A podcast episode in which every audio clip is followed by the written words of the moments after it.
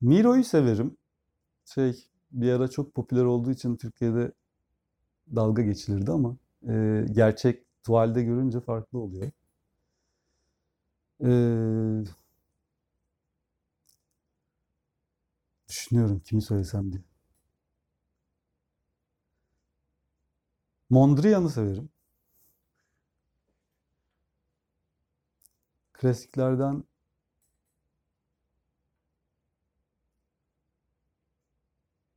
tabii Rembrandt'ı seviyorum. Rembrandt diye okunuyor galiba. Rembrandt'ı seviyorum. Yani o, o ışık çok iyi bir ışık. En bilinenlerden aklıma bu üçü geldi.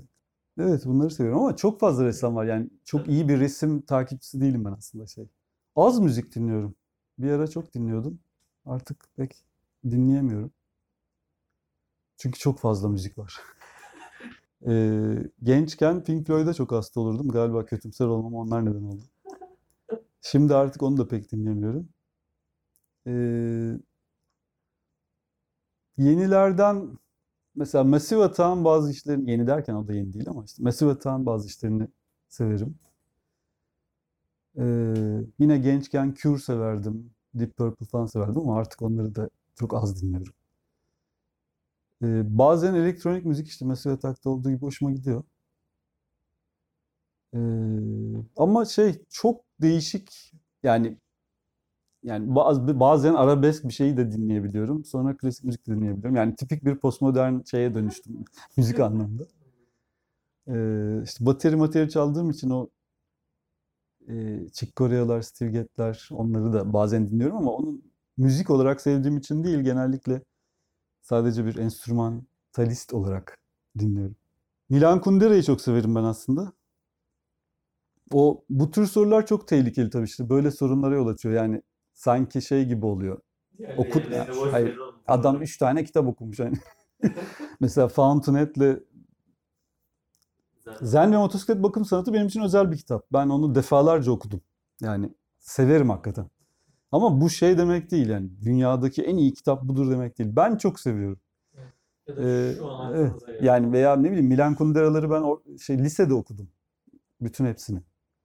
Hatta üzerine bitirme lise bitirme tezi yazmıştım Fransızca edebiyat dersinde. Yani şimdi okusam farklı görebilirim belki. O kadar iyi değildi ama eee Kundera ve ve Motosiklet Bakımı aslında birbirine yakındır. Yani o tür romanları seviyorum. Yani içinde düşünce de var. Yani e, bölünür roman.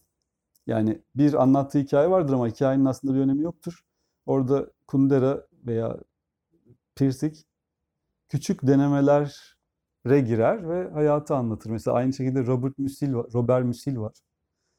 Hayatı boyunca yazmaya çalıştığı bir roman var. Niteliksiz Adam. Okudun mu?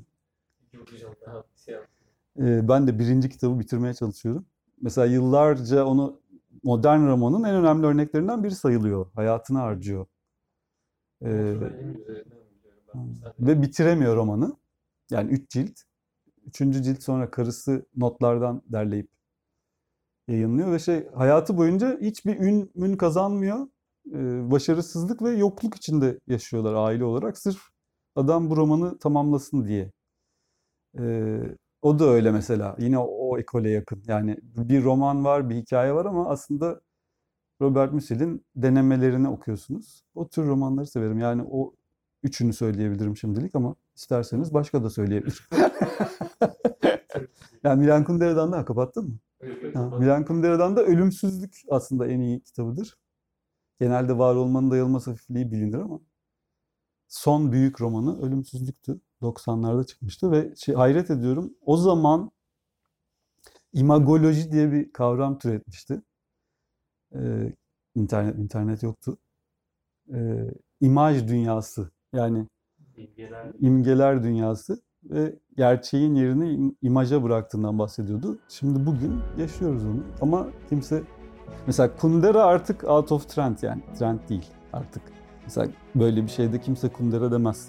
Çok eskide kaldı o çünkü yani. Bugüne çok bağlı değil ama ben önemli bir romancı olduğunu düşünüyorum. Görüşürüz.